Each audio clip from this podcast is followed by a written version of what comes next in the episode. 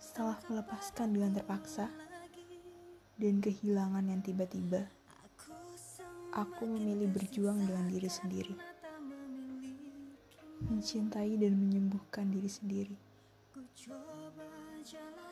Mungkin saat ini di matamu, aku terlihat belum sepenuhnya bisa melupakanmu.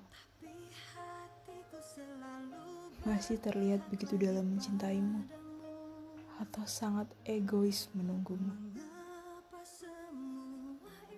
Hanya ketahuilah, hatiku sudah baik-baik saja. Aku merawatnya dan mengikhlaskan kepergianmu yang sudah kamu rencanakan. Nanti, entah kapan, di suatu waktu, saat kau melihatku tersenyum tapi tidak dengan menatap ke arahmu, itu adalah saat di mana aku sudah bisa bahagia dengan hidupku yang tidak lagi ada kamu di setiap cerita yang aku tulis kembali dari awal. Terima kasih sudah pernah ada.